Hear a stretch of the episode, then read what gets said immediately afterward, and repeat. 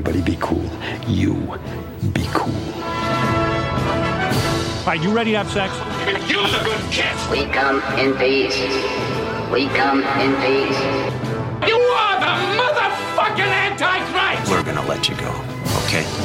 Ok. Film er best på radio. I'm gonna make him an offer he can't refuse. Nova Noir.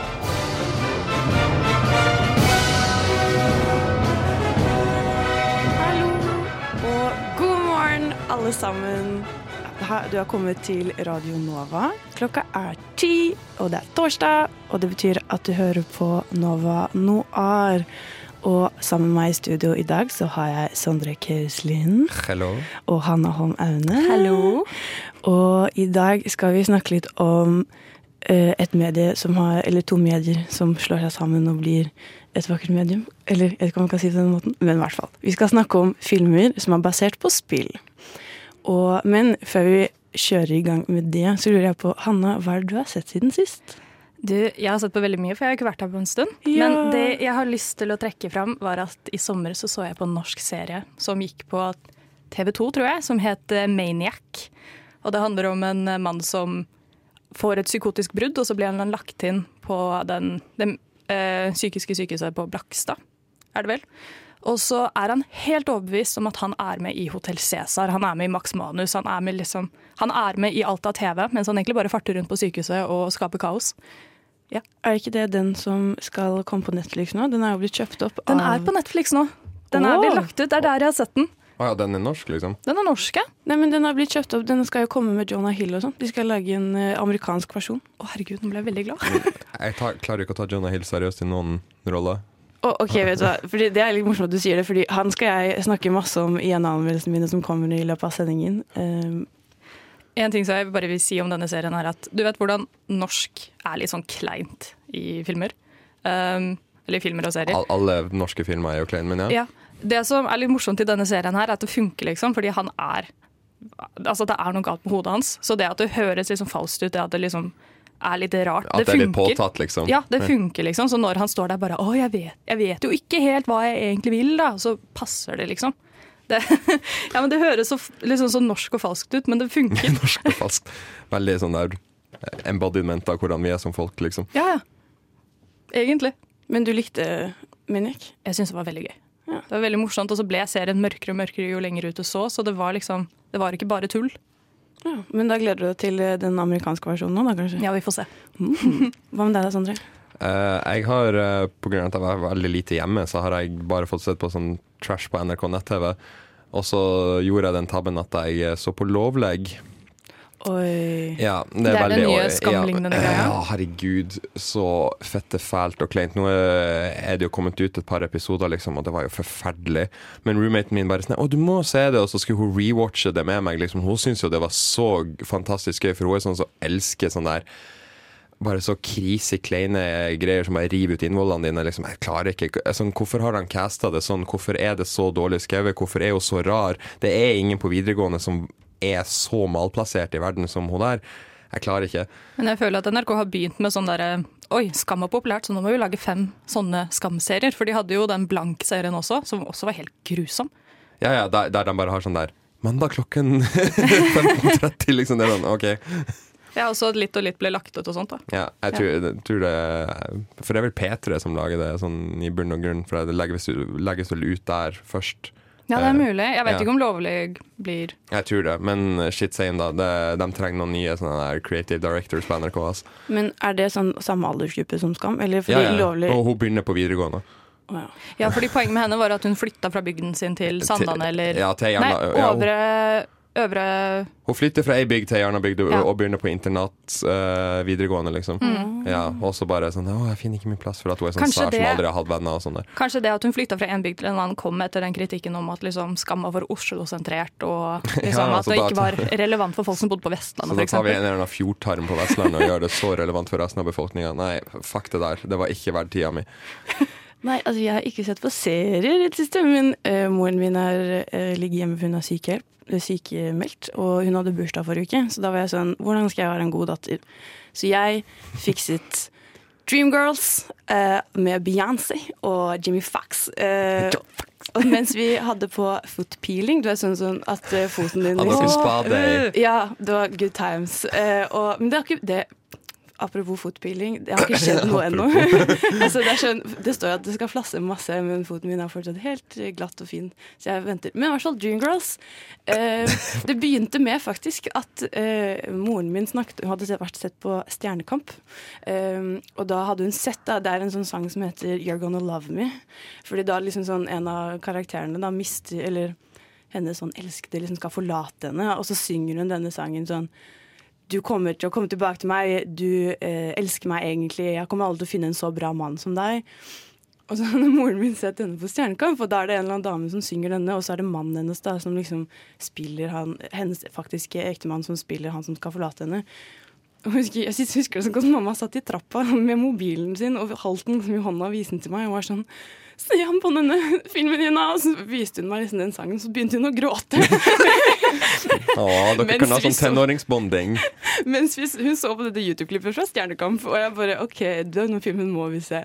Så da så vi på den. Helt OK film. Den er litt sånn Beyoncé er veldig flink, da. Og det var en eh, spennende historier, men litt sånn fort fortalt. Men jeg syns i hvert fall det var veldig gøy, og veldig gøy å se den med mamma.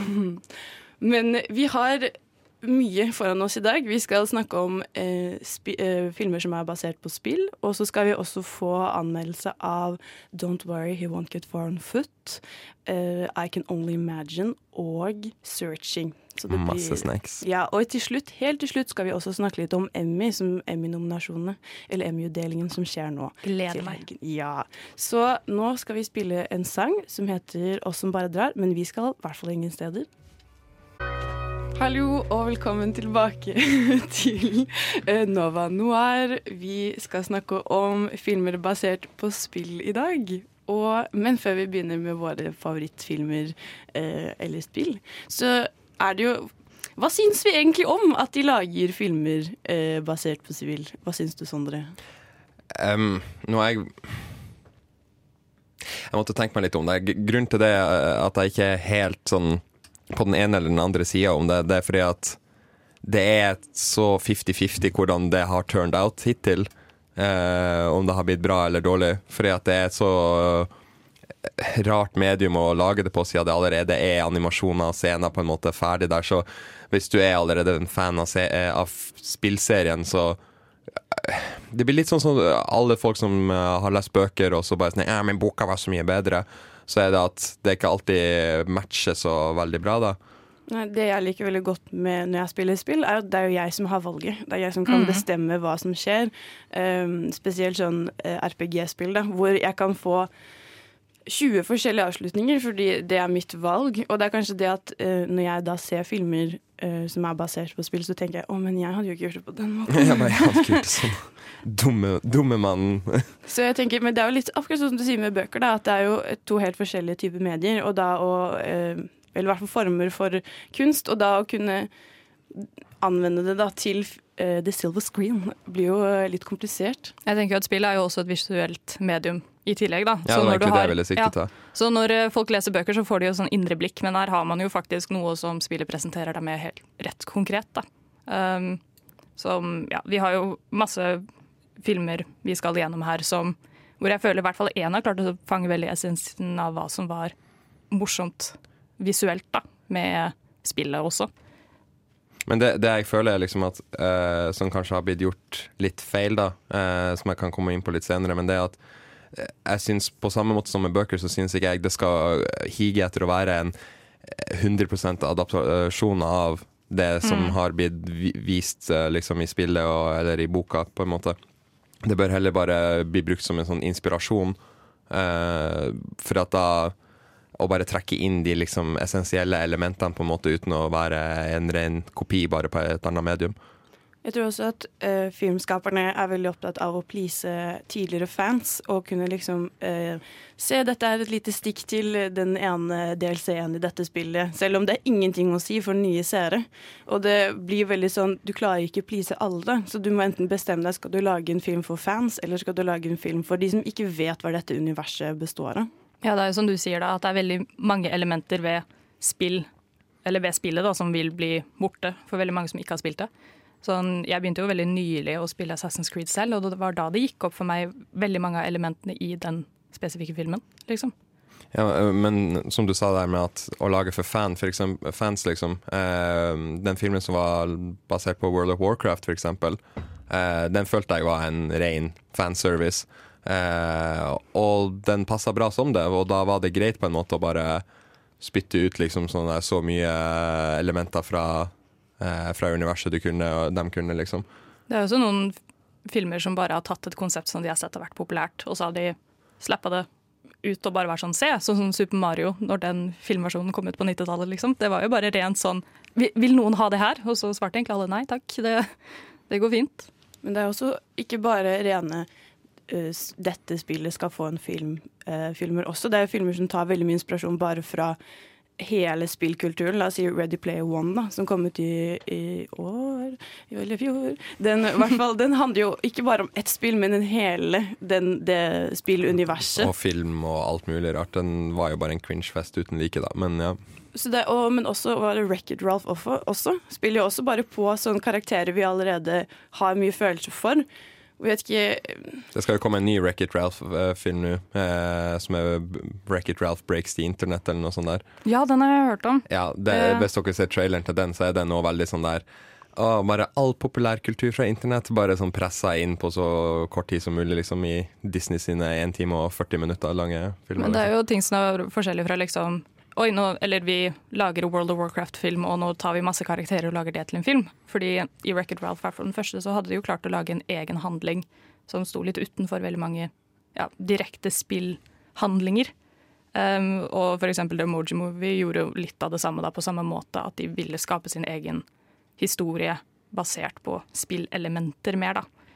Men ikke da den filmen funka så veldig bra, da. Men det er liksom de to sjangerne av film, eller av gamingfilmer vi har, da.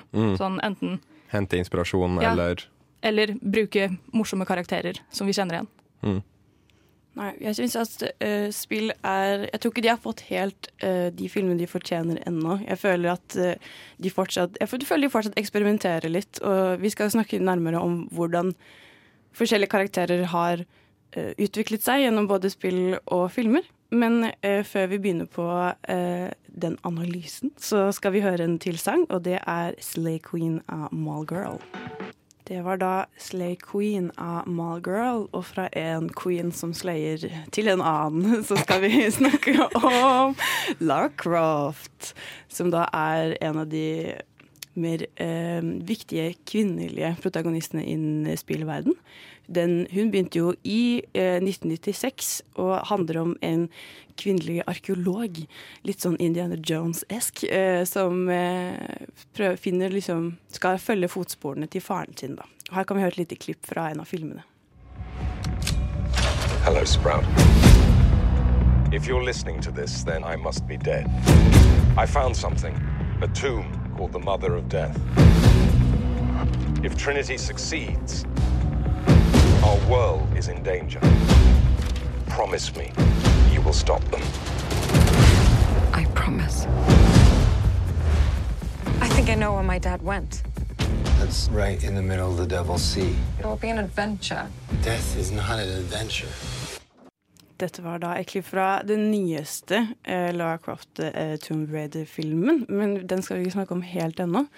Fordi eh, Laura Croft kom først, som jeg sa, i 1996, og har siden da fått 17 forskjellige spill, og i dag tre forskjellige filmer. Føler hun blir rehasha nesten like ofte som Spiderman, egentlig. Men det er noe. Ja, Det er kanskje fordi man ikke har så mange kvinnelige spillkarakterer å velge mellom. da. Så det er liksom, hva skal man. Hva skal du velge? Ja. Mm, For hun begynte jo liksom, alle var sånn Å, shit, veldig revolusjonerende at vi har en kvinnelig protagonist. Og det var liksom slåssing, det var plattform, det var kul estetikk. Det var et veldig sånn en blanding av mye, mange spill som var populære på den tiden. Eh, og så var folk sånn Er dette endringen vi har ventet på? Skal det bli flere kvinnelige eh, eh, hovedpersoner i spill? Men så bare viste det seg at hun skulle bli eh, Den eneste. tidenes sexsymbol. Hun ble jo det, jeg husker jo, altså for det var jo på PlayStation 1 det kom ut det første spillet. Og jeg husker jo liksom sånn der hvordan liksom alle småguttene bare sånn der Åh, når, Med de trekant-polygonpuppene som var på har- altså, hvis du ikke vet hvordan Laura Croft så ut i, i sine tidligere dager, så var puppene hennes kanskje større enn hodet hennes. Jeg husker ikke. Jo, de var kjempesvære. Og hun løper rundt i jungelen i sånn booty shorts og er litt sånn ja, og driver og eh, gasper og har det fælt eh, mens hun slåss mot eh, slanger og sånn. Så det var kanskje ikke helt det vi forventet, men det ble jo dritpopulært. Så hun har jo hatt en utrolig eh, god karriere, eh, vil jeg si. Det er jo også veldig mange, eller er- det er en veldig kjent artikkel som heter 'Laura Croft, female icon or sex bimbo', eller et eller annet sånt, som Mm. eh, virkelig fanger liksom hvor revolusjonerende det var at eh, Ja, altså hun hoppa jo rundt i hva vi nå kanskje tenker er litt sånn upassende klær for en veldig tøff kvinne, da. Kanskje noen. Men eh, Jeg tror det er mer sånn praktisk. Ja. Ja, det var med det praktiske aspektet, tror Ja. jeg. Men jo absolutt også veldig objektiviserende. Men eh, det var jo liksom var veldig mange som var veldig glad for at oi, nå fikk vi en representant som en slags, ja, sånn som du sa, en kvinnelig Indiana Jones. Og hvor kul hun var, at hun var selvstendig, at hun var kul å spille som. Og det var jo veldig mange som var bekymra for at gutter ikke ville kjøpe spillet. Fordi ja, men det er ikke en gutt, jeg vil jo spille en gutt, liksom. Nei, men så ble jo gjort ei blanding av tøff og sexy, da, på en måte. Sånn at hun kunne repre liksom ikke representere, men hun kunne på en måte appellere til begge sider. da. Ja. Og det var litt det som var, det som var litt sånn spesielt med eh, Lara Croft, var, og den sexsymbolet hun var, var hvor utrolig strengt det ble opprettholdt. Eh, det er jo blitt funnet ut senere at eh, gjennom promotering av eventer og sånn, så leide de inn bare veldig sånn spesielt utseende modeller for å liksom spille henne og sånn. Og, når eh, den første filmen kom jo i 2001, og da var det Angelina Jolie som eh, spilte, og det var veldig kontroversielt, fordi hun har jo ikke veldig store pupper. Og folk var liksom sånn Kan hun egentlig spille? Kunne hun egentlig det? Ja, så hun brukte, måtte faktisk bruke padding under Gjorde det? Ja. Serr? Mhm. Men det var bare sånn to størrelser eller noe. Men Ja, det, er aldri, det er aldri noe jeg la merke til i 2001. Da jeg var ti år gammel og så filmen, så var det ikke sånn at jeg tenkte hm, er de der puppene ekte?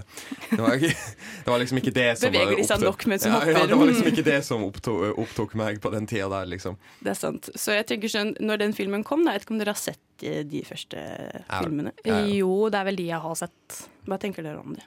Jeg husker ikke så veldig mye, for jeg var jo veldig liten. Uh, men jeg, jeg husker at jeg fikk en oppfatning over at å ja, men å ja, dette er fra et spill, men det betyr jo sikkert at Indiana Jones også er fra et spill. Så jeg falt jo bare ned i et hule at eh, Men da blir jo sånne actionfilmer det er, det er sikkert basert på spill, liksom.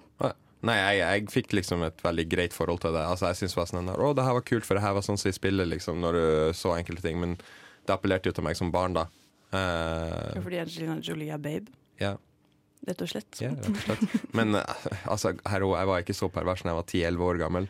Eh, men likevel, da. Eh, det, det var liksom sånn Det er jo det som er min adaptasjon på en måte av, av Tomb Raider-spillene på en måte, og Laura Croft. Eh, de nyere filmene har jeg ikke like eh, sterkt forhold til i det hele tatt.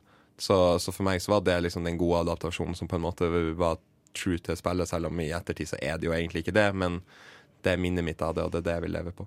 Jeg husker i hvert fall det som det, denne filmen gjorde litt annerledes, var at den, fulgte ikke spillet slavisk.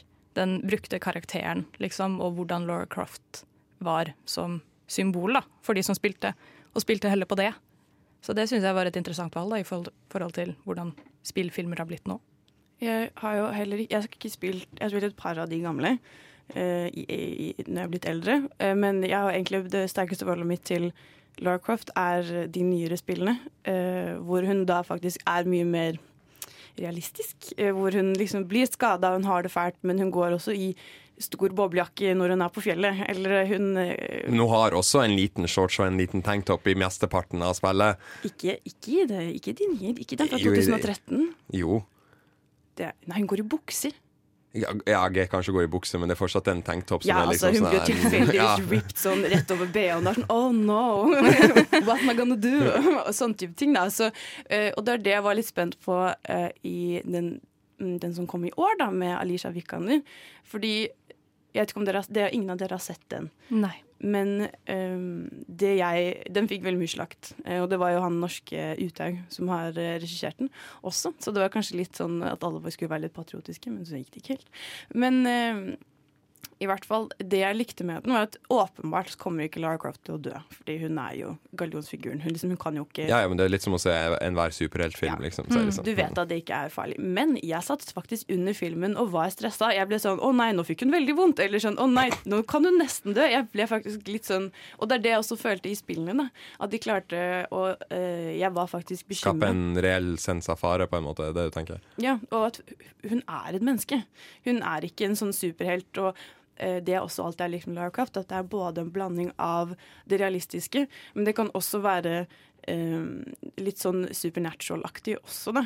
Eh, og det er ikke alt Det syns jeg er litt sånn i Indiana Jones. Det er litt sånn som Indiana Jones, da. At det er sånn det er veldig realistisk helt til liksom de åpner kisten til eh, eh, Noahs ark, eller den Mm. den, ja, Ja, ja. den boksen, liksom. Eh, og det er det litt det som er det samme med Laura Croft, at de har en, alltid det der touchet i eh, virkeligheten, som jeg alltid har likt. Men det med eh, anvending fra spill til film, en som, ting som er litt interessant, er at i spillene så er jo eh, Nei, i filmene da, så har alltid eh, moren til Laura vært død, og faren hennes er forsvunnet. Men eksempel i spillene, de er alltid der. Sånn, de har aldri vært Mm. eh, borte eller døde eller Men du må jo skape et altså sånn, Akkurat det er en sånn der lite sånn backdrop jeg føler på en måte blir litt uvesentlig, som jeg føler er greit at de egentlig bare adapterer på sin egen måte, liksom.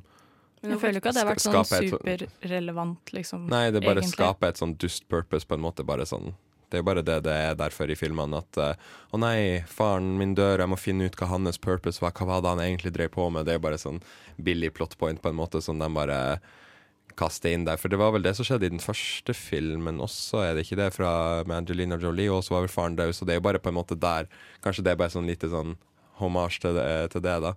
Ja, også, men det er det jeg syns er litt interessant, hvordan filmer føler at de må ha eh, Jeg føler veldig ofte i sånne heltefilmer at det er et eller annet med foreldrene. Sånn, Det er på grunn av Batman. ja, men det er alltid et eller annet sånt. Også i Indiana Jones. Faren er, eh, moren er jo ikke de steder. Faren er jo fjern, og du får ikke møte han før i treeren. Og, eh, ting. Hvorfor må heltene være sånn Du kan ikke være helt eller skulke uten å ha det fucked up familieforhold, liksom. Du kan ikke det. Nei, så Du må alltid ha mistet noen, ellers så har du jo ikke motivasjon til å gjøre noe her i verden. Hvis du har godt forhold til foreldrene dine, liksom, så, sånn som du har med at du tar fotpilling med mora di, du kommer aldri til å bli en helt. Det er sant, jeg har et altfor godt liv. Ja, du har det. Selv om jeg alltid Du er altfor sheltered. Jeg er fra Asker. Selvsagt. Mm. Men det er jo alltid med slike filmer at f.eks. at onkelen til Spiderman dør rett før han blir helt, liksom. Det er alltid liksom det som er det siste dyttet av motivasjon for disse karakterene. Det har bare blitt en klisjé, egentlig. Ja, det, Ja, det er en trope, rett og slett. Bare sånn Mm. der Du kan ikke være helt uten at mora di har dødd, eller far din har dødd. Det er jo faktisk, Jeg husker ikke helt hva begrepet er, men det kalles for et eller annet sånn kjøleskapskvinner. Eh, og det er, Hvis noen har sett Deadpool 2, da, eller andre filmer hvor man bruker f.eks. kona da, som et argument for eh, Eller for motivasjon da, for helten. At hun har enten dødd eller blitt voldtatt eller et eller annet sånt. Eh, jeg syns det er utrolig veldig sånn cheap trick da, for å gjøre en film interessant. Fordi det er tydeligvis død og forferdelige ting er hvis det eneste driven folk har. Ja, men også, jeg vet ikke, det er kanskje lett å relatere til for publikum òg, for at det er sånn her Å nei, jeg vet jo hvor fælt det hadde vært hvis min mamma hadde dødd. Jeg vet ikke, jeg vet det, noe sånt. Og så er det jo noen filmer som gjør det veldig half-ass, da. Så de er bare sånn Oi, nå var den personen død. Ja, ja, det er jo litt half-ass de bare håper å si at du ser det i traileren til den nye Lara Croft-filmen, liksom, at det er bare sånn Plutselig så er han bare død, og plutselig så er det bare en liten videokassett og bare 'Hvis du ser det her, så er det betyr at jeg er død', og det er sånn her, ah, OK. Ja, det, jeg syns i hvert fall det var helt OK, den filmen. Men jeg er veldig spent, fordi um, både Alicia Vikander og han som uh, lagde filmen, har sagt interesse for å lage en toer, en oppfølger. Det fikk jo, den fikk jo ganske praise for å være relativt nærme spillene, da. Ja, det Sånn er der, for å rappe det tilbake til det, da. Eh, som adaptasjon, liksom. Så at det er true til, til kildematerialet, da. Det eneste som også er litt nevneverdig, er at i 2013-versjonen, eller det spillet, da, Mm. eh, så har eh, Laura en veldig god venninne eh, som er på en måte Hun representerer på en måte i filmen I, i den 2018-filmen så blir hun, har hun liksom en love interest da, som hun møter på en båt. Men uh, i spillene så er det en venninne. Og det at de har endret det eh, til en mann da, for å gjøre henne mer uh, For å gi denne love interesten. Da. For det har vært- litt spekulasjoner om de hadde tenkt å gjøre Lara Croft lesbisk i spillene. Det hadde blitt for kontroll... Nei, i spillene. dritkult. Ja, det hadde faktisk vært litt kult. Fordi hun er liksom ja, Hun er så sterk og fin dame, og vi har veldig få uh, queer Ja, representation. skeive Mm. I både spill og film, egentlig. Ja, så jeg, jeg er veldig begeistret for uh, Kin Reaction og uh, Men, men jeg tror grunnen til at det hadde blitt litt problematisk Eller altså sånn De kanskje ikke valgte å gjøre det i, i filmen nå, liksom, for eksempel, uh, er jo bare at det er det der at uh, Som det har vært mye kontrovers om i Hollywood, at de ikke finner nok eh, De bruker ikke nok skeive skuespillere også. Ja, det er for så vidt. Så det er kanskje noe sånn der kluss med studioene, at de fortsatt er litt bakstrevers der, liksom. Ja, men de gjør det også litt forced av og til. da At det er bare sånn Å, han er homo, forresten, se! Ja. Og så er det det. Ja, i hvert fall Laura Croft, dritkul. Vi har veldig store håp eh, for hun framover, og liker at det er veldig eh, eh, true to the games. Nå skal vi høre en liten sang før vi skal ha en anmeldelse, og det er altså Feel It av Shuffle Baby. Dette var da Feel It, og nå skal vi snakke om det helt motsatte. Noen som nemlig ikke føler Eller en som er lam. Segways.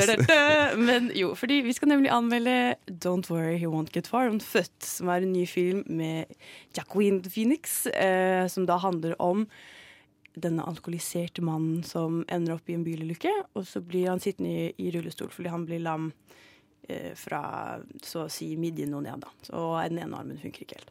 Og så, eh, for å komme seg ut av denne eh, alkoholismen, så går han til tegneserien og blir da en verdenskjent eh, tegner. Nå skal vi høre et lite klipp. The last day that I walked, I woke up without a hangover. Ah, pretty groovy day, huh? I knew I had an hour or so of grace before the withdrawal symptoms set in. And that was it. Keep 'em coming, bro. Dexter had mistaken the light pole for an exit and slammed into it at 90 miles an hour. Dette var da eh, klipp fra Don't Worry He Won't Get Far On Foot. Eh, den Hørtes er- veldig trist ut. Det er det, fordi at den er på en måte brandet litt også som en komedie. Eh, for den har, han har jo veldig mørk humor, han eh, John Callahan, som det er han som er i rullestol. Og den er veldig stjernespekket film. Den er regissert av Gus Van Sant, eh, kjent fra Elephant og My Own Private Idaho. Men, og da er det Jacqueline Phoenix som spiller hovedrollen. Men det er også Jonah Hill er med, og Rooney Mara. Og, bay. og eh, Jack Black eh, er med i filmen eh, og spiller sentralkarakterer.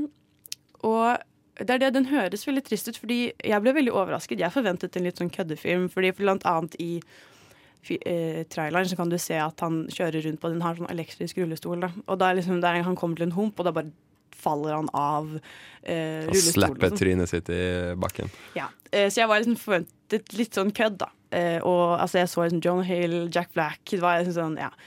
Ehm, men det, det som er med filmen, at det er på en måte fire forskjellige eh, tidslinjer. Ehm, noe som ble litt forvirrende etter hvert, fordi han, de har ikke gjort noen store forsøk på å vise forskjellen. Eh, hvordan han eksempel sånn i Eternal Sunshine of a Spotless Mind, da, så har hun forskjellig hårfarge for å vise de forskjellige uh, tidsperiodene. Men her så ser han ganske lik ut hele tiden.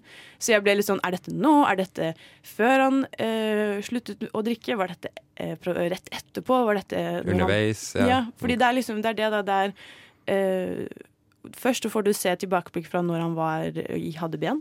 eh, Eller ja, kunne, kunne gå. Eh, og så eh, rett etterpå, eh, og når han da begynte i AA, for det er da han møter Jonah Hill. For Jonah Hill Altså, Jackin Phoenix er alltid ti av ti. Han er jo en av de flinkeste skuespillerne vi har i dag, føler jeg. Han klarer å spille John Callahan utrolig godt, og det er følsomt, og det er trist. Men Jonah fucking Hill altså Jeg har bare sett han i køddefilmer. I uh, 21 Jump Street eh, og Wolf, Wolf, of, eh, Wolf of Wall Street. Ja, ja. Eh, og jeg bare Men i denne filmen her så er han så flink. Og jeg blir helt sånn satt ut, fordi Jonah Hill er den beste personen i denne filmen. Og han spiller da han blir liksom eh, sponsoren da, eh, til eh, John Callahan. Eh, og han har denne gruppen med sånn fem andre, eh, hvor han går rundt med en sånn, eh, du vet, sånn pinne som man har sigarettene sine på. eh, og går Sånn Cruella de Ville-aktig? Ja, ja, sånn, ja. Eh, og liksom er veldig sånn eh, Veldig sassy og, og utrolig, utrolig følsom og veldig sånn kald. Og han er en helt annen person. Og eh, utrolig, jeg blir også investert i hans historie, for du føler liksom han, han er homofil. da. Eh, og i løpet av filmen så får du liksom glimt i hvordan det var også var for han da, å leve på det, for dette er på 70-tallet. Og det, det, ja, det er det som var litt problemet, at jeg ble nesten litt for interessert i Jonah Hill enn Jacqueline Phoenix. For kanskje det er fordi jeg er så vant til at han er så flink. da. At jeg liksom ble helt fascinert av Jonah Hill, som bare var en helt annen person. At han poppa ut som noe ekstraordinært, liksom. Ja. Uh, og det filmen gjør, at den gir, skildrer utrolig godt hvordan det er å være alkohol alkoholiker, og hvordan det er å komme seg ut av det. Uh, fordi den er skikkelig sår, og å se at han han var jo veldig sint på seg selv, for han, når han eh, er i den ulykken, så var jo også han drita, og han, han som kjørte bilen, var også drita. Eh, og lenge så skylder han jo på Dexter, som spiller seg Jack Black, eh, som kjørte bilen. Mm. Men det var jo også hans valg å gå, gå inn i den bilen, for eksempel. Da. Men samtidig, dette er en film eh, med mange sterke mannlige hovedroller, eller mange sterke mannlige skuespillere. Og så har du Rooney Mara, som også er utrolig god. Eh, spilte Carol og den amerikanske versjonen av Jenta med dragetatoveringen. Men hun er ingenting i denne filmen. Hun er bare love interest. Hun, er, eh, hun kommer inn som, først som en sånn hjelpepleier for eh, John. Da. Og eh, det er bare sånn se så pen hun er. Nå ble jeg litt skuffa. ja. Hun er liksom, skal spille en svensk eh, dame. Da. Så hun har blondt hår, og tydeligvis går svensker bare i blått. Så, Selvfølgelig, det må jo være litt sånn der søtt og Ja. yndig. Ikke sant? Men det er derfor hun er blond også. Det blir jo flagget, ikke sant? Ikke sant? Så hun går bare rundt i sånne søte kjoler og er veldig sånn å, det ser ikke ut som det går bra med deg her, da, men du er veldig kjekk. Og han kommer bare sånne rare kommentarer. Jeg ble sånn irritert fordi jeg vet hvor flink hun er, men så ble hun redusert til denne liksom OK, han sitter i rullestol, men han får en jævlig babe dame, da. Som, Det er jo alle syndere. Men Det er bare sikkert for å vise at det, livet ditt er ikke over. Du kan fortsatt få babes når du er handikapped. Ja, så, og så syns jeg heller ikke at Jeg var veldig interessert i den tegneseriebiten, fordi han blir Han har veldig mørk humor øh, og tar ting veldig langt. Øh, sånn han øh, lager ting om Han tegner om Ku Klux Klan, han tegner om nonner. Altså Han er veldig sånn far out og får veldig mye kritikk for det. Men det er egentlig ikke før sånn siste 40 minuttene av filmen. Og, og hele den prosessen, hvordan han kom inn, ble liksom published og uh, ble veldig anerkjent. Det skulle jeg også ønske vi kunne sett mer av. Men det var kanskje også at jeg var mer forberedt på det. Jeg hadde kanskje ikke lest meg helt opp på at denne skulle i hovedsak da handle om ha- han som ut, av- ja, kom ut av Men jeg, jeg leste jo eh, introduksjonen til denne filmen her, og jeg fikk en liten sånn blanding av at å, det er han som skapte Garfield og The Intouchables, liksom smasha litt sammen. Mm. Det er det den filmen heter, ikke sant? Den franske om han eh, som er paralysert, og så får han Rølle, ja. Ja. Um, jeg følte at det var en litt sånn sammenblanding av de to, men jeg, jeg ble litt overrasket når du sa at det ikke var så mye om tegneserien. Ja, for det er, det, han, det er jo det John Callahan er kjent for. Men samtidig, det, jeg syns det var deilig også å kunne se den litt menneskelige eh, delen av han også. Så det var en jeg, jeg hadde det fint. Jeg likte den filmen veldig godt. Det var bare ikke det jeg forventet i det hele tatt, men jeg ble veldig positivt overrasket. Um, samtidig som jeg ble litt forvirra, Uh, som Av tidslinjen og Ja. Ikke sant? Det kan jeg skjønne. Uh, så jeg tenkte veldig lenge på hva jeg kunne Gi den som karakter. Uh, men jeg tror jeg endte på en seks av ti, fordi jeg syns at det er en god film. Eh, ikke den beste, ikke den beste Ja- Jacqueline Phoenix har gjort. Eh, Nei, det er her, uten tvil. Men nei. mm, eller Walk the Line. Ja, samme det. Ja. Men, eh, men Og den er eh, Den bare var ikke det den har blitt, den bare, Jeg syns at eh, brandingen har vært så rar. Sånn, jeg følte at de ga meg noe annet enn det jeg forventet, kanskje. Og, men eh, og den var Jeg tror bare jeg ble veldig sjokkert av Jonah Hill, og så ble jeg veldig satt ut eh, resten av filmen. Men eh, det er en veldig god og absolutt se den, men vær forberedt på at dette er mørke greier. Og ja, det er ikke like slapstick, så kanskje traileren kan hinte litt til det. Litt mer sånn real. mm, Mm. Ja, det vil jeg si. Men eh, helt, helt grei film. Og, men jeg er skikkelig spent på Jonah Hill fremover, for han skal også være med i den Maniac-serien. Ja, det snakker vi om, ja. Ja, ja. så jeg har skikkelig håp på Jeg er litt skeptisk for fremdeles, liksom. Han kommer alltid til å være han der litt Jeg, jeg, jeg klarer ikke å ta han seriøst etter han ble liksom tynn. Han var lubben og morsom. Det var det han var, liksom. Det er sant. Vi er, i hvert fall, det, jeg er ganske gira på hva som skjer framover. Men da, seks av ti til Don't Worry, He Won't Get Far On Foot. Nå kommer eh, Damer runker også av The Camel Toes. Det var da en av mine favorittsanger for tiden. 'Damer runker' også av The Camel Toes. Nå har vi hatt en liten anmeldelse. Du hører fortsatt på Nova Noir på Radio Nova. Men nå skal vi tilbake til eh, filmer som er basert på spill, og da skal vi i dag snakke om Hanna. Vi skal snakke om Silent Hill, en film som skremte livskyten ut av meg da jeg så den for første gang. Den kom ut i 2006. 2006, Ja, ja. 2006. Eh, Jeg tror jeg så den rundt 2010-11, så jeg gikk på ungdomsskolen. da. Var veldig lite oppdatert på verken spill eller skrekk i det hele tatt. Skjønte ikke helt hva jeg gikk til, men jeg fant det jo ut etter at jeg hadde spilt spillet en del år senere, at den klarte å holde på en del elementer som gjorde også spillet litt, ja, egentlig veldig creepy, da. Um, Skal vi kanskje høre litt eh, klipp fra filmen? Honey, sometimes when you go to sleep, you go on a little walk. And sometimes you talk about a place. I don't remember. That's why we're gonna go there. So you can remember.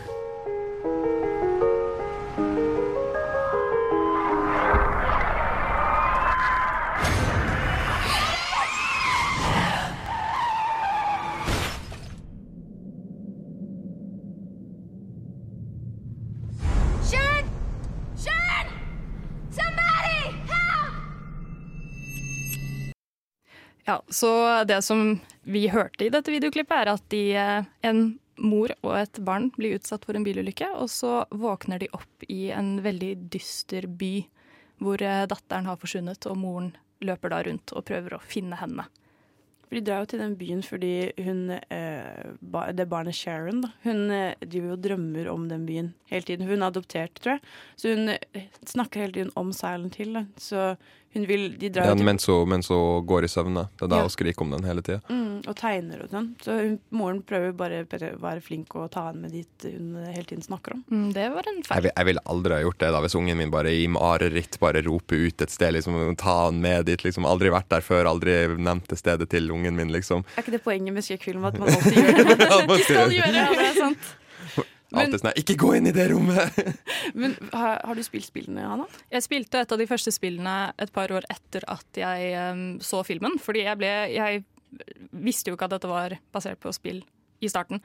Uh, og da spilte jeg det som var nærmest relatert til hvordan filmen ble basert. da. Sånn, det er jo, den følger jo ganske mye av de samme handlingslinjene.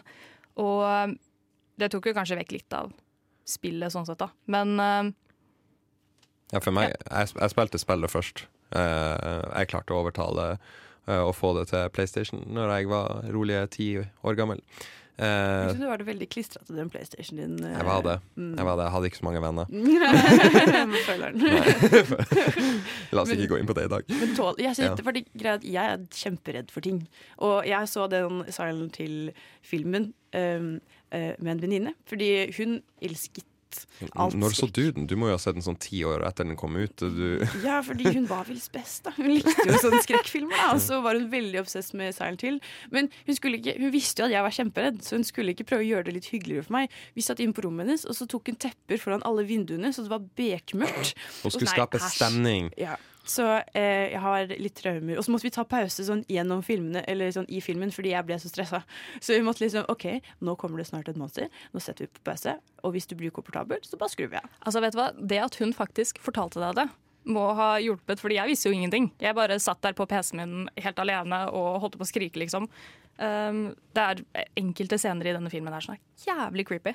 Som eh, en som blir brent på bål og, Og det er jo en av de beste scenene når han blir bare De strapper han fast til den stigen og bare holder Den kulten bare holder han over eh, bålet. De brenner han ikke rett ned i flammene. Nei, Nei, nei, De de- lar han bare bli crispa opp, liksom. Det er Jeg hadde mareritt om den scenen så jævla lenge. det, det tror jeg var med på å desensitisere meg allerede som tiåring. Å se det der. Det, det var jeg helt var fucka. 13 og dritredd. For det jeg syns er så kult med Silent Hill, er at um, de monstrene de ser jo ut som mennesker. Eller de er deformerte mennesker, da. Ofte så Eller jeg husker det er en som er sånn Ja, du tenker på de uh, ja. De er også kjempeekle, men også de som, som er mennesker, men så har de bare hud over seg. Så de ser ut som de er De som kravler rundt på bakken etter henne. Ja, som er i sånn hudposer, på en måte. Uh, og uh, og eh, det handler jo om at eh, det er jo et kult i denne byen, og de eh, viser seg at hun Det er jo en sånn jente som har blitt mishandlet helt fæ sykt, og alle Du finner jo ut av det eh, Spoiler, men eh, at disse monstrene representerer jo bare fæle mennesker i hennes oppvekst. Eh, folk som behandlet henne Ja. ille, og som eh, voldtok henne eller slo henne, eller Ja, og så ble hun denne onde skapningen. Eh, og jeg syns det er veldig kult. Jeg bare synes det er veldig eh, et kult konsept. Ja, med masse personifisering av monstre. Liksom. Eller altså monstre i hermetegn, da. Ja. Mm. Jeg syns de klarte det på en veldig god måte. Jeg har ikke spilt uh, spillene fordi jeg er redd. Uh, men, Spillene går jo på mye av det samme. ja, for det er det jeg har hørt, at, de er ganske, at den er veldig trofast. Eh, i hvert Så, fall- sånn noenlunde, i hvert fall. Eh, De har jo tatt eh, kreative friheter, så det det- ikke skal liksom være helt sånn punkt for punkt. det, det, det er relativt trofast til det første spillet. Eh, deretter så liksom sånn, For det har jo kommet et par filmer etterpå, men det er egentlig bare den første filmen og det første spillet som på en måte henger så veldig i hop, da, føler jeg. Ja, fordi det jeg alltid um, Den er veldig estetisk uh, fin òg, syns jeg. Den handler, altså, I den byen, da, det er jo sånn aske fra himmelen, og det er veldig Ja. sånn Tåkete og Det er veldig eerie, liksom. Veldig godt, god stemning, syns jeg. Og det tror jeg også jeg leste at de hadde fått til, fått til godt fra spillene. da At det er litt eh, den typen også. Og det syns jeg er kult at de klarer å få med det landskapet. For jeg føler ofte at det er det jeg savner i filmer som er basert på spill. At de mister den, den eh, stemninga. Ja, og det Ja. landskapet som jeg uh, løper rundt i da når jeg spiller. Mm. Men der, der, der eh, er de jo litt heldige, da, med at uh, i spillet så er det typer Du ser bare fem meter foran deg, og alt er bare tåke, liksom, så det er ganske det, Du trenger ikke å ha det sceneryet i backdropen, liksom. Men kan vi bare snakke om slutten av denne filmen? okay. Veldig raskt. Fordi jeg husker jo når jeg så den, så skjønte jeg det ikke. Og jeg skjønner det ikke sånn 100% nå heller, fordi jeg er ikke så veldig smart når det kommer til sånne kreative og fine avslutninger og sånt. Men det slutter jo med at hun faktisk kjører ut av denne byen, og så kommer hun tilbake til huset sitt, men der er det også tåke, og der er det også aske og sånt. Er det da en metafor på at de er døde? Ja, de forlater, Man kan aldri forlate Silent Hill. Det er det som er poenget. Så hun ja. er De er Du er stuck med monstrene dine for alltid, liksom. Ja. Mm, så jeg, tror, jeg skjønte aldri heller det. Eh, jeg skjønte det hele den delen med at hun uh, Alessa, da, som er den uh, jenta som har blitt eh, det onde monsteret eh, Hun, for å eh, bevare seg selv, så delte hun seg opp i eh, de gode delene. Og det er Sharon, da, hun, det barnet, eh, er for eksempel det gode eh, av henne, og det er derfor de, hun blir blitt tiltrukket av den byen, da. Ja. Men i hvert fall Silent Hill er jo eh, en av de skrekkspillene som har klart seg veldig godt på eh, film, selv om det er en veldig gammel film. Da. Og det er jo ganske kult at eh, det viser seg at det er skrekkspillene som uh, gjør det best på uh, TV. Vi skal snakke mer om uh, spill etter hvert. Nå skal vi høre en eh, filmanmeldelse av I Can Only Imagine. Først skal vi høre Blue Lights med Jorah Smith. It's an amazing song. Just kind of happened. Took about 10 minutes, I guess. Bart, you didn't write this song in 10 minutes. took a lifetime. How'd you do this? You know, I've never Den inspirerende og ukjente historien bak bandet Mercy Mice hitlåt I Can Only Imagine, som har blitt den mest spilte moderne kristne sangen noensinne. I filmen møter vi skuespilleren J. Michael Funley i hovedrollen som Bart Milliard, som forteller om den vanskelige oppveksten han hadde til sin far Arthur i Texas. Spilt av Dennis Quaid, som var voldelig mot han og moren til Bart. Faren tror aldri at Bart kommer til å oppfylle drømmene sine. Drømmen til Bart er å starte et band. Musikk har alltid betydd veldig mye for ham, helt fra da han var liten. Bart blir eldre, starter i band, reiser rundt. Men en dag blir faren alvorlig syk. Og så finner han Gud, noe som forandrer livet hans. Og kan bli til et helt nytt og flott menneske. Hvordan vil forholdet til far og sønn ende da? Filmen har noen lange og kjedelige scener hvor det skjer litt lite, litt unødvendig prat. Men ellers er den bra. En film man lett blir rørt av. Det er lett å følge historien. God musikkbruk med herlig stemningsmusikk som får hjertene våre til å smelte. Bart skriver og lager flotte låter som handler litt om kristendom og oppveksten. Filmen gir mening hos veldig mange. Mange kan nok kjenne seg litt igjen i hvordan det er å ha en tøff oppvekst med en far som er voldelig.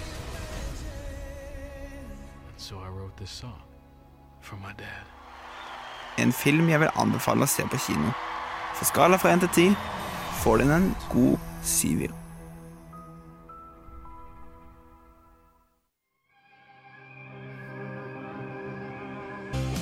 Det var da Set Your Sights av The Vintage Caravan, og før det hørte vi en filmanmeldelse av I Can Only Imagine. Men nå skal vi set our sights på noe annet, eh, nemlig De overgangene dine i dag, altså. Altså, jeg, er på i slaget i dag. på det. Nei, vi skal snakke litt om Assassin's Creed, eh, som er først og fremst en spillserie som har eh, holdt på i en god del år nå, som eh, spillene tar for seg ulike leiemordere i eh, forskjellige tidsepoker. Um, så ble det nå i 2016 da laga en uh, film uh, der Michael Fassbender har uh, hovedrollen. så jeg håper han egentlig sletter fra karrieren sin, men det kan jeg komme tilbake til. Der han utforsker i nåtid, da, så legger han seg inn i en sånn maskin og utforsker minnene til stamfaren sin, der han var en leiemorder, og oppdager litt sånn hemmeligheter der, da. Skal vi høre et lite klipp fra den.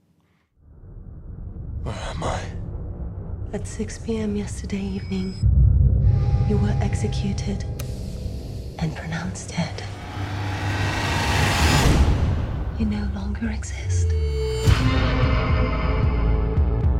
What kind of prison is this? It's not a prison. You're about to enter the Animus. What you're about to see, hear, and feel are the memories of your ancestor, who has been dead for 500 years. Your past. Ja, som vi hører der. Han legges inn i den maskinen, The Animus, eh, og den prøver å liksom utforske fortida, kan man vel si. Men har dere spilt spillene? For jeg har ikke sett filmen, eh, selv om Michael Fassbender er en av mine ultimate base. Men eh, hvordan er filmen? Uff det, altså, jeg hadde lyst til å kvele meg sjøl fra ende til annen i den filmen, jeg, egentlig.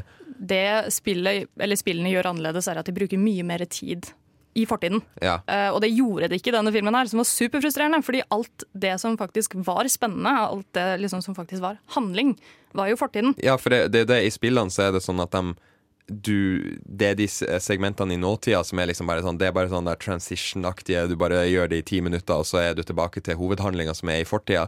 Eh, og det er jo der alt det interessante skjer. Det er der du møter alle de interessante karakterene i spillene. da eh, Mens i filmen så bare sånn virker det egentlig bare sånn ah, Fuck, det her blir egentlig litt stress å animere, og det her blir litt stress å skape props til, og bla, bla, bla. Så vi bare lager noe sånn filler-plott i nåtida, og det var bare ah. Men jeg må si at det ble veldig revet med når de var i fortiden. Og de um, stuntene og sånt, og hvordan de klatret og liksom alt det, så jo veldig likt ut som spillet, som jeg syntes var skikkelig kult. Men uh, så kutter de liksom til at um, han er i den Animus-maskinen og liksom faktisk beveger seg sånn som han gjør i fortiden. Og det bare så så teit ut. Det så så klovnet ut, liksom. Så jeg klarte ikke å ta det seriøst. Fordi det jeg uh, Når jeg spiller Assassin's Creed, da, uh, utenom kanskje toeren og, og treeren, så er ikke historien det mest sånn eh, spennende. Eh, også, og Black Flag synes jeg også var veldig godt. Men eh, 90% av det jeg gjør, er jo å utforske verden. Eh, og løpe rundt og hoppe på bygninger og ta oppdrag og sånn. Eh, og det er det jeg syns er så eh, spesielt å lage en film av noe som i hvert fall jeg bare har forhold til at jeg bare driver og kødder Ja, rundt i en by. Ikke Liksom. sant, Du har det som et uh, open, uh, open world-spill, som, som man kaller det. Men jeg, jeg personlig brydde meg mer alltid om altså, Syns historia var at det åpen, eh, åpen verden-aspektet på en måte bare var liksom bonusinnhold, på en måte.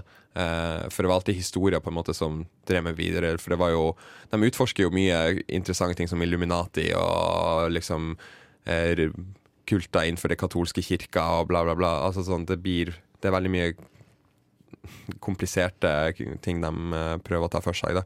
Men virker det som at For de hadde den spanske Inquisition i ja. denne filmen, men eh, virker det som at de kommer til å ta for seg flere epoker framover, eller vil du det? Jeg vil ikke det. Jeg vil ikke at de skal lage flere, flere filmer om det. det for at, da må de i hvert fall allerede ta og lage en reboot av det, syns jeg. Eh, jeg syns ikke Ma- eh, Michael Fassbender passer til det. Jeg syns han eh, egentlig er for gammel. Ja, det, er- altså det som gjør spillene bra, er jo sånn som du sier, at det er du som gjør dette. Og jeg, det er, ja, jeg føler ikke at det er like morsomt å se på at en person hopper rundt i minnene til forfedrene sine et kvarter, liksom, og så sitter han og bare er sinna resten, liksom. Mm. Um, det bare funka ikke. Det ble, det ble ikke noe film, liksom. Jeg syns også at eh, spill, det jeg elsker med spill, er at ofte at historiene er veldig utbroderte og veldig kompliserte. Og det er det Assassin's Creed er. For det er liksom sånn Det som er meg også, så er det liksom Hvert spill har en ny sånn eh, karakter i fortiden, og det er veldig sånn om hva som skjer i, i nåtiden også. Det er veldig komplisert, og det å da gjøre det til eh, film, det går jeg synes det blir, Da må du kutte ut ting. Og jeg tror det er det kanskje jeg har hørt har vært problemet til Assassin's Creed-filmen, er at de prøvde Litt sånn som vi snakket om De tidligere. prøvde egentlig å crampe alt sammen inn i én film. Det var Mm, litt sånn det ja. føltes ut som. Bare sånn, oi, der, eh, De velger litt sånne der aspekter fra alle eh, spillene og bare sånn tar en helt ny epoke. Og klumper det sammen, liksom. Ja, og så ble det bare litt sånn oppkast, på en måte, Ja. bare med navnet Assassin's Creed på. Ja, hovedgreia med filmen var jo at uh, det var bare hans forfar som visste om Hva var det det? Det var sånn ett element han skulle få tak i da, for eh, selskapet. Husker ikke hva det var, men det er jo egentlig ikke så farlig. Men det som skjedde da, var at de brukte så utrolig lang tid av filmen på å bare stå utenfor denne maskinen og stirre på han mens han ser ut som en ape, og bare var sånn Ja, vi håper at han finner den snart. Mm. Ja, det, Og så er det det, liksom. det, det drev ikke filmen fram i det hele tatt. Nei. Men det er liksom Man tenker jo da, hvis man glemmer at denne filmen eksisterer, at det har jo egentlig et stort potensial. At det er jo et veldig kildemateriale eh, som eh, jeg vet at eh, Ubisoft, da, som har laga de her spillene, har, har jo tatt, veld, tatt veldig mye historie for seg og undersøkt det og fått det til å bli ganske historisk korrekt i den grad det la, lar seg gjøre interessant på spill. da Men, Og det følte jeg ikke i denne filmen i det hele tatt. Det, de fikk ikke tidsepoken til å føles ekte ut heller, liksom. Nei. Også det at de har så stort fokus på liksom hva målet er, det føler jeg også tar litt vekk fra poenget med Assassin's Creed. Fordi når du starter spillet, så har du et helt annet liksom, Du tror at målet er noe helt annet enn hva det ender opp med å være. Men Mm. her holder de liksom på den samme lille tingen som egentlig ikke er så veldig spennende. Ja, du, du, ikke, du skal, får ikke utforska deg fram til eh, hva målet skal være, sånn som du gjør i spillene, og det dreper det egentlig helt. Det er så kjedelig. Det bare skjer ingenting. Ja, og det er egentlig litt eh, interessant, det er hvordan eh, Og det er det jeg håper at de kanskje kan Nå blir det veldig mye mer eh, serier etter hvert. Da. Kanskje dette er bare ting som passer bedre til å bli serier og være litt mer eh, for tiden. Da, til å vise disse små detaljene. Mm, det trenger mye mer tid på å utfor ja, utforske, det. og la, la oss vente litt på å finne ut hva egentlig som skjer. Ja, fordi det er alltid et sånn hoved... Det er sånn dyp av mysterier i denne spillserien som de bare ikke fanget. Fordi eh, nå har vi snakket mye om eh, forskjellige typer spill, og det virker jo som at mye forskjellige sjangere fungerer på eh, forskjellige typer formater. Eh, og, men nå skal vi høre på en ny sang før det kommer en, en ny anmeldelse, veldig anmeldelsestung eh, sending i dag, og det er da 'Falling Out' av Mosjonist.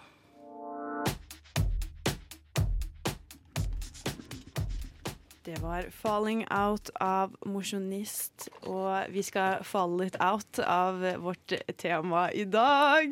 Og nå skal Du er så stolt over det overgang. Jeg er så stolt over meg selv, jeg er så kreativ.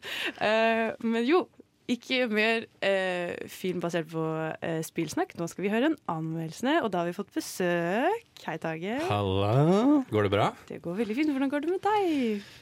Det går ganske fint. Uh, jeg må si at Sist jeg var i studio, skulle jeg anmelde Isle of Dog, og da fikk jeg et midlertidig slag. Ja. Så, så det håper jeg ikke skjer nå. Nå jinxer du deg selv. da. Ja. Men jeg bare putter det ut der. Altså, jeg kan hende plutselig jeg bare choker helt, okay. men det går fint. Disclaimer. Men uh, hva det du har sett? Jo, jeg har vært og sett den nye hva kan man si, spenningsfilmen 'Searching'. Uh, liten disclaimer. Det er en film som bruker uh, hva kan man si, found footage, eller webkamera, alt skjer på PC-en som en slags virkemiddel slash gimmick. Så bare sånn at folk vet hva de går til, hvis de har lyst til å se den. Filmen handler om en enslig far som bor med sin tilsynelatende Eller med sin datter, som, og de har et tilsynelatende godt forhold. Um, men så plutselig forsvinner den en dag, og da er det opp til han og en politikvinne og eh, Google Chrome å finne ut hva som har skjedd med henne. 911, what's your emergency?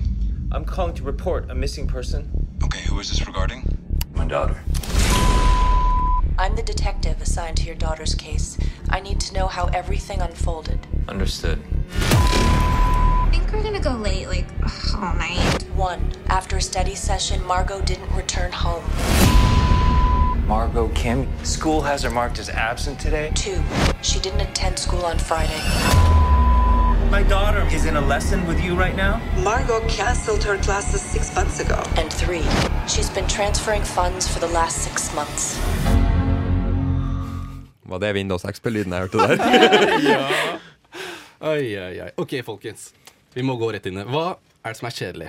Jo, det er å miste passordet på Facebook, og så må du drive med å Oh, I forgot my password request, og så må du få sånn tilsendt kode på e-posten osv. Vet du hva som er enda mer kjedelig?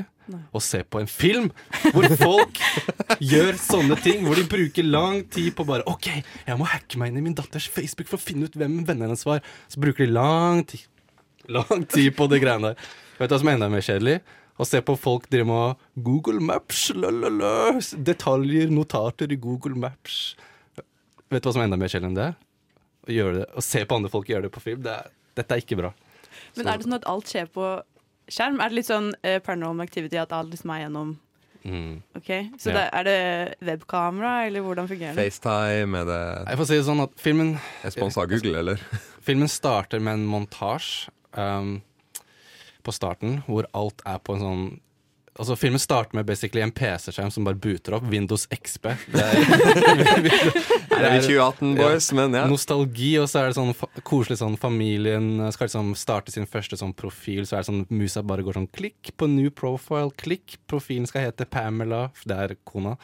Og så er det sånn uh, Vi skal lage et bilde til profilen, så er det sånn hele familien tar uh, sånn bilde på webkamera sammen og sier 'say cheese', og så er det sånn montasje hvor du ser um, ja, mye sånn Det er sånn alle oppretter sånn, Facebook-profilen. Å, husker dere AOL eller ja, MSN Messenger? Å, husker dere Windows Explorer? sånn type ting. Uh, men så filmen kicker i gang da når Megan ringer faren sin på FaceTime og sier at hun skal study late tonight. Og så uh, ringer hun han. Og det, det, alt man ser, er på en PC-skjerm. Så du må tenke at du bare ser på en PC-skjerm. Men er det litt sånn, det høres nesten litt sånn taken ut. Sånn I'm gonna find my daughter. Bare gjennom Google. ja. Men blir det spennende? Sånn, selv om det er, det er jo på en skjerm, så jeg føler man får ikke sett hva som faktisk skjer utenfor. Nei, altså Det som skjer, er at hun, eh, en, han ligger og sover en kveld, og så eh, ringer hun han flere ganger, og han tar ikke telefonen for han ligger og sover, og så er hun borte, da. Og så handler filmen om basically at han må prøve å finne ut hva som har skjedd med datteren. Og eh, det er liksom han eh, blir på en måte litt Ikke rekruttert av hovedpolitibetjenten, men hun sier at siden de har vært litt sene med å komme i gang med etterforskningen, så vil hun at han skal, skal hjelpe til. Så det er på en måte han som oppfører seg som en litt sånn detektiv på internett, og bruker mye sånn Google og ulike nettsider for å prøve å finne ut. Og han oppdager jo på en måte mer og mer at kanskje han ikke han kjente datteren sin like godt som han trodde, når han begynner å etterforske henne. Og så har ei skjult side. hun har en skjult side potensielt. Kanskje hun ikke hadde så mange venner som han trodde. Så. Er hun en loner? Er hun kanskje blanda inn et eller annet kriminelt? Og så videre, så. Så i utgangspunktet så er det jo litt spennende sånn. Man har lyst til å vite hva som skjer, men jeg føler at filmen var så utrolig forutsigbar i eh, narrativet. Og det er veldig sånn Jeg føler at når du bare kan forholde deg til det du ser på en PC-skjerm, og mye sånn FaceTime når de ringer hverandre og sånne type ting, så du blir så låst til informasjonen du ser på, på skjermen. Det er ikke så mye sånn kunstneriske friheter med hvordan kameraet beveger seg. videre, For det er mer sånn at du bare fokuserer på FaceTime-kamera når han ringer folk, eller fokuserer på liksom search-taben når han driver og googler ulike ting, eller når han klikker på ulike mapper osv. Så, man blir veldig låst til det. Og så syns jeg også at for at man skal liksom klare å henge med hele tiden på hvor han på en måte er, for du må liksom følge med på liksom hvor muspekeren sånn går, og informasjon som står skrevet uh, på skjermen. Så det blir veldig sånn at filmen må veldig sånn legge veldig trykk på den informasjonen som er viktig. da Så du blir på en måte hele tida sånn herre Det blir veldig te- teskje i kjeften din. ja, så liksom. veldig sånn herre OK, og hun er venn med han, og klikke inn på den type venn. Oi, han er en scumbag fordi han eh, vaper, og sånne type ting. Han vaper. De kunne ikke nevne marihuana, men han vaper. Mm. Og du mister veldig mye sånn, typ, sånn vanlige spenningsfilmer når kanskje du de er etterforsker og snakker med en liksom mistenkt, så kanskje du kan få mye sånn kroppsspråk eller små sånne ting som kanskje ligger i uh, rommet deres. og- Altså veldig sånne små clues, men der er det veldig, den filmen her så er det veldig låst til nøyaktig det som filmen vil at du skal se. da. Så jeg føler at måte den tar litt um, du, du har faktisk mye frihet selv til å spekulere i hvem som har gjort hva, osv. osv. Men skuespillprestasjonmessig, da, er det flinke folk, liksom? Fordi eh, jeg husker ikke hvem som er hovedpersonen. Eh, jo, det glemte jeg kanskje å nevne. Det er John Cho, som er mest kjent fra de nye Star Trek-filmene. Eller Harold and Kumar, hvis noen har sett de. Eh, og så er det hovedpolitibetjenten, som er eh, Deborah Messing, som er mest kjent fra å være Grace i hitserien Will and Grace. Og jeg har en fun fact. Jeg trodde at den serien var dead long ago, men nei da. Det er faktisk uh, kommet på reboot. Nei. Og hvorfor har ikke det kommet til Norge? Jeg elska Will and Grace. Ja, Det var bare sånn du satt på rett etter du kom hjem fra skolen. Ja. Men i hvert fall, det er liksom Det er ikke stjerneskuespillere her. Og det som jeg også reagerte veldig på, at det er mesteparten av filmen, når du ser skuespillere på eh, skjermen, er når de ringer hverandre på Skype eller FaceTime. Og det er veldig sånn at jeg merker at kjemien er litt off, når, for når de liksom snakker direkte til et sånt kamera, og de skal liksom tenke at på andre siden av skjermen så er det en person på FaceTime. Men jeg tror egentlig ikke at når de spilte inn filmen, så FaceTime de på ekte. De bare så ned på mobilskjermen, liksom. Ja, nei, de bare så rett inn i et eh, webkamera eller Mm. Nei, men kamera. viser de ikke Viser de ikke den andre personen som man snakker med? Jo, de viser begge sider, men jeg, okay. jeg kan liksom se for meg i innspillingen så har de at de ikke faktisk snakket med en person live på FaceTime. Hvis du skjønner hva ja, jeg mener? ja, at de klipper det sammen etterpå, liksom? Ja. Ja. Så jeg føler at timingen på dialogen ofte var litt sånn off, og måten de Altså Jeg følte liksom at det manglet noen å spille av, da. Så det, jeg følte at mye av skuespillet ble ganske sånn stivt, Ja. Det er sånne subtile ting som liksom bare fucker helt med deg. For det er bare de små, små timingene der liksom kan få deg til å bare sånn «Åh, dette var ikke helt rett. Mm. Men det var litt sånn samme følelsen jeg fikk med den Skype-filmen for et par år siden. liksom, At det var liksom veldig bare satt sammen litt raskt, Mm. uten å liksom se gjennom godt nok. da. Ja, unfriended. Uh, og uh, jeg syns også Ok, en ting er problemet med sånne her type filmer, er at når det er en vanlig fiksjonsfilm, så når de filmer med et vanlig kamera, så er det på en måte med Du kjøper at ok, dette, er en, dette, er en, dette er fiksjon. Men når det er found footage, eller hva man skal kalle den sjangeren her, um, så går det veldig på det at dette her skal være ekte og realistisk. For det er liksom, dette er liksom akkurat de nettsidene og teknologien som vi faktisk bruker til daglig. Og så fort de da begynner å bruke den teknologien på en litt sånn usannsynlig måte, så faller jeg helt ut av opplevelsen. For jeg kan liksom samle med at Hvis du ser en vanlig film, og så er det plutselig noen som skal skjære en brødskive, og så holder de kniven på en helt sånn rar måte, det tar meg ut av opplevelsen. Og det, er det samme som jeg fikk noe sånn her. For liksom, det er, ingen, det er ingen som facetimer med unge, så en far da, som facetimer datteras venner som han aldri har møtt noensinne. Og det er sånn her helt sånn casual Å, han ringer på på FaceTime, vi skal jo bare snakke med han på Skype med webkamera. Og liksom ikke bare datterens venner, men også sånn hvis, La oss si for at du er mista datteren din, eller hun er forsvunnet. Det er ikke normalt å drive med å skype en politimann eller politikvinne er hver eneste engang. dag. Men hvis du skulle da gitt en karakter, for du virker som du er ganske sint. Jeg forventer på den veldig lave enden av skalaen her. Uh, ok, for at tingen er at uh, Det er en spenningsfilm. Som, det er et mysterium, så man har jo lyst til å liksom få vite hva som skjer. Så jeg sitter jo der og liksom Ok, jeg vil vite hva som skjer, men problemet for mitt er at jeg satt hele tida sånn Ok, jeg tipper det er et eller annet med den personen. Altså, når, det, når ting begynner å utfolde seg, så bare hm, Vet du hva, det er så obvious at den personen ikke har gjort det allikevel. Eller whatever. Så da blir det sånn her, og så skjer det. Så du sitter helt der bare OK, nå kommer det her til å skje, og så skjer det, og så kommer det her til å skje, og så skjer det. Uh, så jeg sitter der egentlig bare er mer irritert og bare sånn OK, kom til slutten, for det her orker jeg ikke mer. Så jeg vil gi den her um, to av ti. Én stjerne fordi John Cho Selv om han ikke er sånn amazing skuespiller, så liksom følte jeg han bærte filmen. Og eh, to, den andre stjernen vil jeg gi fordi de brukte Google Chrome og ikke Mozilla Firefox. Wow. Altså eh, to av ti, da. Nei, var ganske svak to av ti, hørtes det òg ut som. Og kan jeg bare si en ting? For at når jeg var sett den filmen, så ble jeg nysgjerrig på hva andre kritikere på nettet syns om den.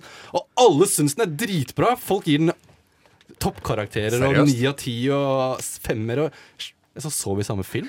Hva er det her for noe? Jeg tror, Altså- det, jeg tror helt ærlig det kan være fordi at de anmelderne som har sett den, er liksom sånn der 60.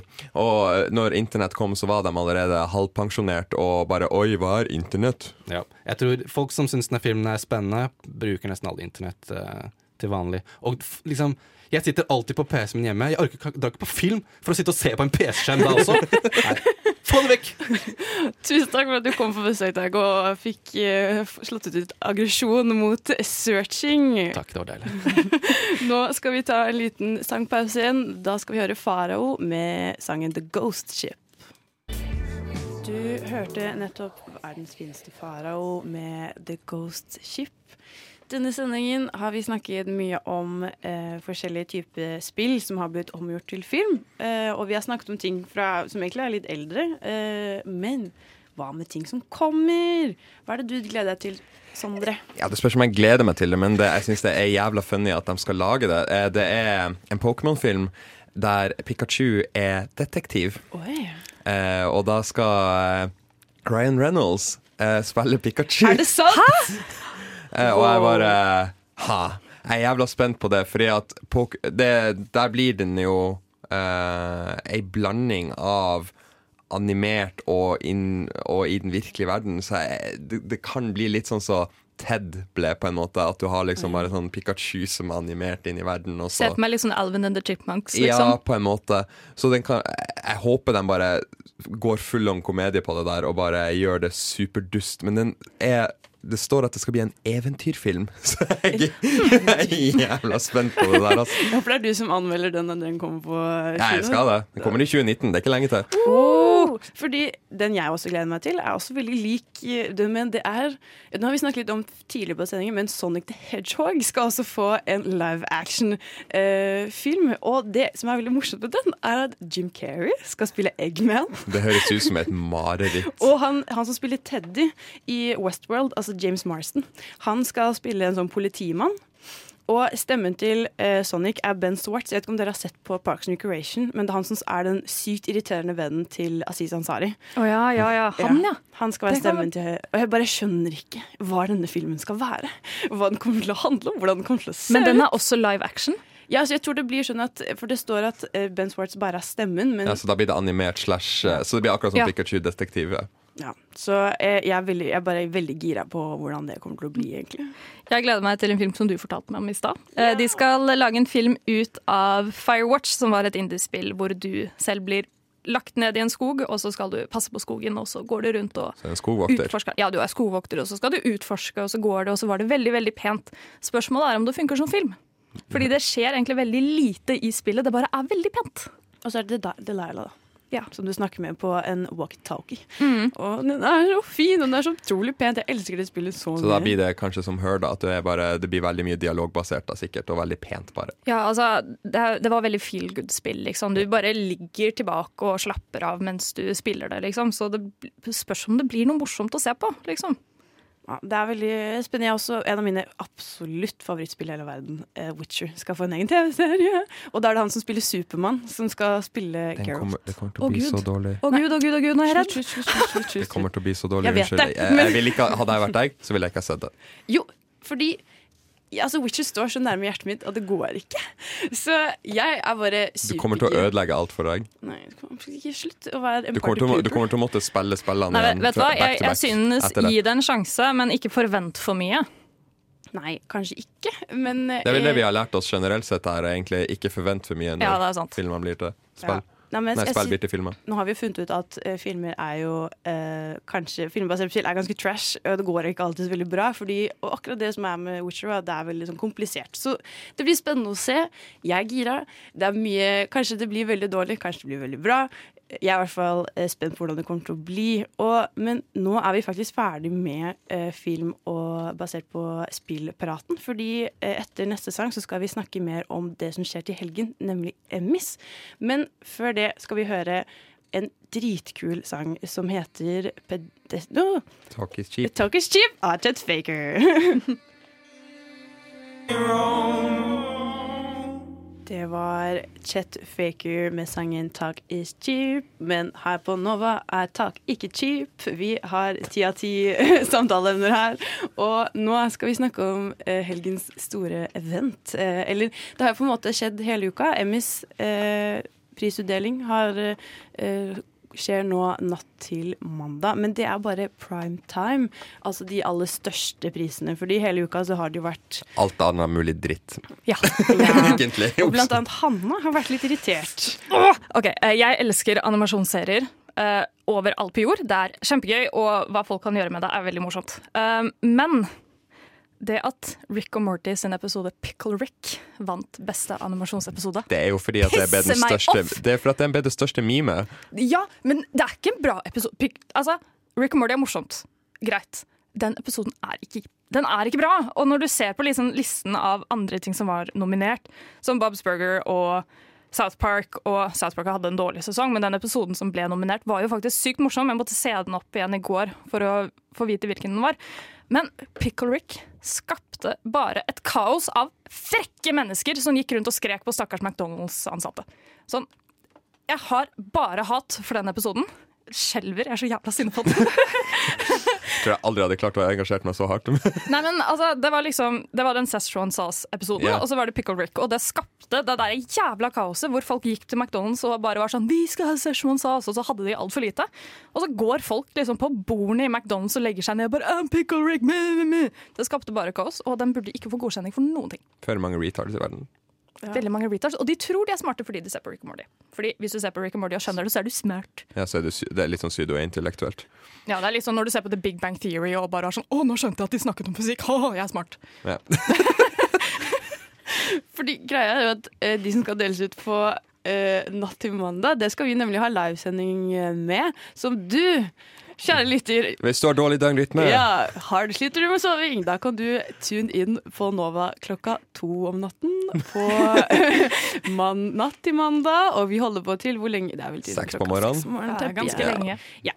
Fordi de som skal kåres, er jo Det er veldig mye gøy. Mm, og blant annet sånn uh, i comedy series er det blant annet sånn Atlanta. uh, som ingen av dere har sett, kanskje? Nei. Nei.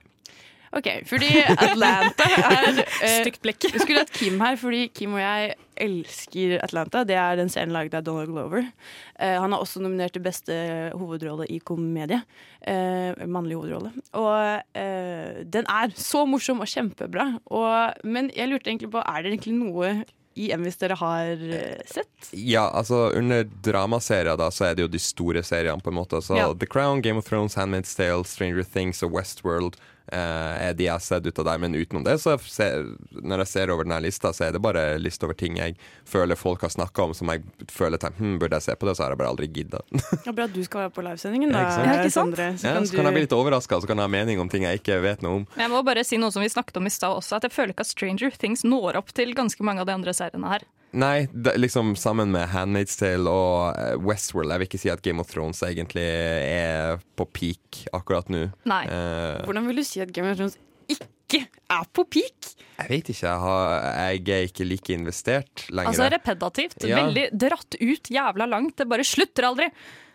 Dere er tullete. Jeg er utrolig uenig med dere. Fordi Game of Thrones er fortsatt Men jeg tror det er det at eh, fordi Game of Thrones er en så jævlig bra serie, så er det hvis det blir litt dårligere, så er det sånn Fy faen, dette er dritkjølig! jeg orker Ja. ikke mer. Ja, ja, men det er fortsatt mye bedre enn alle de trashy seriene dere ser på til vanlig. Hvilke Altså, trashy serier? Jeg ser ikke på serier. Problemet er at jeg ser jo ikke på serier.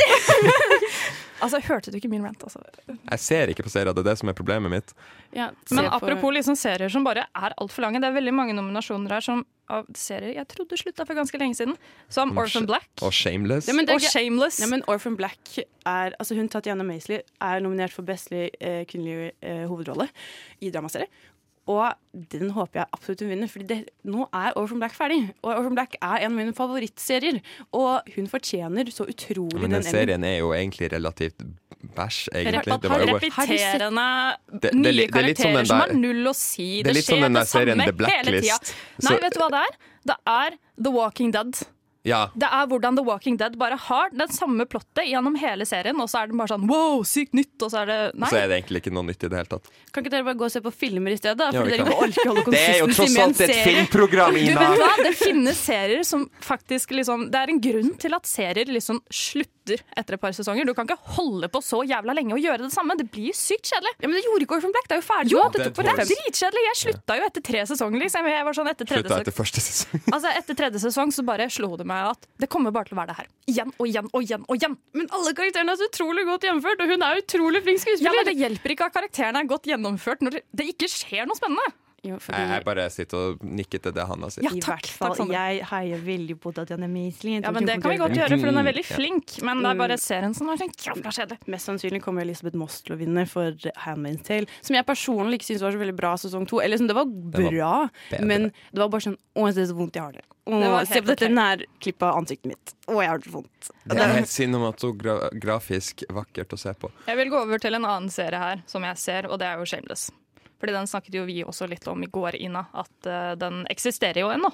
Sammen, og da er jo William H. Macy på lead comedy actor, sammen med liksom folk fra Atlanta og Barry, The Good Place Er, og sånt. jeg, jeg tippa bare sånn hvem som kommer til å vinne der. Jeg tipper Donald Glover kommer til å vinne bare for at han er så jævla i Ja. vinden.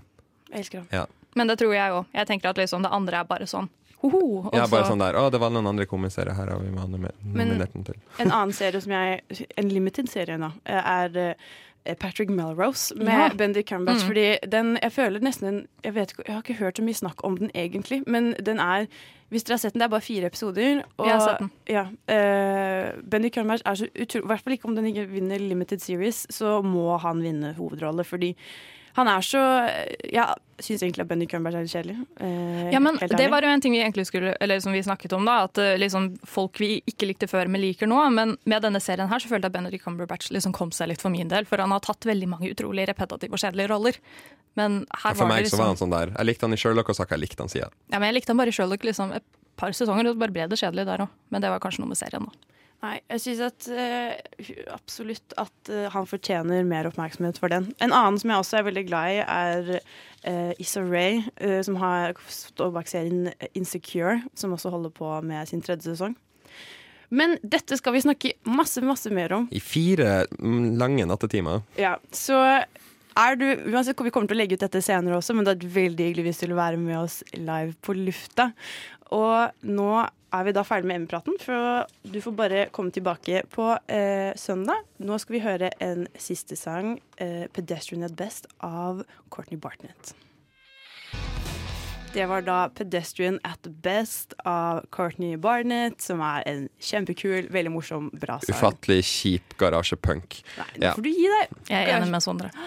OK, jeg vil bare helt alene til studiet, jeg, da. Men eh, nei, så det har vært en veldig eh, eh, fors forskjellig sending. Altså, vi har snakket om mye rart. Eh, mye forskjellige typer filmer. Vi begynte med å snakke litt om eh, Laura Croft, som har vært veldig ikonisk i, for kvinner da, i spill. Og vi ble vel enige i at De, nye, de, de gamle var OK, den nye er trash. De nye kan vi bare gjemme i en skuff. Det er ikke noe Ja. vits å snakke om. har vi egentlig, Er det noen andre sånne kvinnelige spillkarakterer som er aktuelle for filmer? Jeg føler ikke hun eh, Prince, vi kan lage en film om Princess Peach, hvordan hun alltid klarer å bli kidnappa av samme fyren. Jeg igjen og er helt overbevist om at det gjør hun rett og slett med vilje. Ja. de har en Bowser, Bowser, er, Bowser er side bitch. ja. Ja. Hun bare lurer eh, Mario. Det Ja, ja. hadde vært en Super Mario 2, det. Det hadde vært Det Super Mario 2. Den filmen hadde jeg lyst til å se. At er sånn Mario finner ut at hun egentlig bare var et utro hele tiden og dårlig. Det er fanfiction på det. Det er bare å søke det opp. Vet du hva, stakkars Bowser. Stakkars Bowser. Stakkars Mario. det er Mario som det er på Ja, men eh, tenk da, liksom Bowser altså, Det er jo bare sidebitchen, og så hver eneste gang Mario kommer, så er han bare sånn Nei, nei, han har kidnappet meg, han er helt jævlig. Så står han der og bare er trist. Ja, og fordi Bowser har jo et barn, har han ikke det? Jo, kanskje det Moren har er egentlig å, å. Peach! What?! Men for å ikke sidetracke for langt, da. uh, så har vi også Jeg anmeldte uh, Don't Worry, He Won't Get Far On Foot, uh, som jeg syns var Virket morsom. ble ble Mørk komediedrama. Ja, eh, men det, det gikk helt greit, det. Eh, jeg fikk en åpenbaring innenfor Jonah Hill som jeg bare er forelsket i for tiden. Og bare håper at han strider, strider og bare gjør store ting, gutten min. Eh, men den ga jeg da en seks av ti. Etter det så har vi også snakket om Silent Hill, som jeg tror vi ble, det var det eneste vi var egentlig helt enige om at dette var Den- Dette funka, liksom. Funka som film, ja. Eh, for, og det var fordi at mener jeg, for at de dro fram kun de rette elementene. De prøvde ikke å være spillet, og da bare falt på trynet, liksom. De dro fram stemninga, de dro fram de rette skrekkelementene, og ja, så kanskje det, som vi konkluderte som Hannes Kanskje vi kunne hatt en film med Amnesia. Se om det funker like Mm. bra. Fordi om det funker, så Skrekkspill, liksom. Ja, da er det jo skrekkfilm som funker som film. Ja, er Resident Evil har gjort det samme. Og Det er jo Ja, den også- har jeg ikke sett. Nei, men Det er jo spill som har blitt oh, ja, til spill, filmer. ja. Ja, ja, ja, ja. Og det er også sånn skrekkmoment, i hvert fall. Så skrekk foreløpig det beste som gjør seg som film. da. Så har vi også fått anmeldelse av I Can Only Imagine, samtidig som vi også fikk Tage på besøk for å eh, snakke om searching. Trash. ja, trash-searching, ja. Ja, eh, og vi har også andre ting vi har snakket om, var også Assassin's Creed, som dere bare dreit på. Og Ja, men du vet hva? Fortjent, velfortjent. Den fortjener å bli tørka i ræva, liksom. Den gjør det. Nei, men det er litt sånn spennende, da. At uh, det er de mest sånn kjente spillene. For jeg føler Silent Hill er mer som bare litt sånn nisjespill, kanskje. Mm. Og så er Assassin's Creed som er de svære uh, De svære franchisene, ja. ja, ja. Ja, men igjen, da. Det er jo en av filmene som faktisk ble lagd for penger, føler jeg. Rent. Ja, og så har vi jo også synset litt på hva vi gleder oss til framover. Altså, det er jo eh, Sonic the Hedgehog og Pokémon Detektiv. Ja, og masse gøy framover. Og så avslutter vi jo med en veldig fin oppsummering av Emmy som skjer nå til helgen. Og jeg tror det blir veldig spennende. Jeg skal være der, Sånn skal være der, Tak skal være her. Og det blir veldig gøy, og jeg håper jeg kommer til å se eh, og høre og få meldinger fra dere eh, i løpet av natten. For det blir både kritikk Jeg husker under Oscarsendingen, i hvert fall, så var det mye kritikk av kjoler og sånn. Men i hvert fall, jeg heter Ina Elisabeth Sletten. Sammen i studio i dag har jeg hatt Hanna Holm Aune, Sondre Kaus Lind. Vi fikk eh, anmeldelse av Håkon Rekvik, eh, Tage Rivas Tollefsen, og som alltid er Ulrikke Svenne med oss på teknikk. Tusen takk for at du hørte på oss- i dag, og vi ser deg neste uke. Ha det bra! Ha det bra.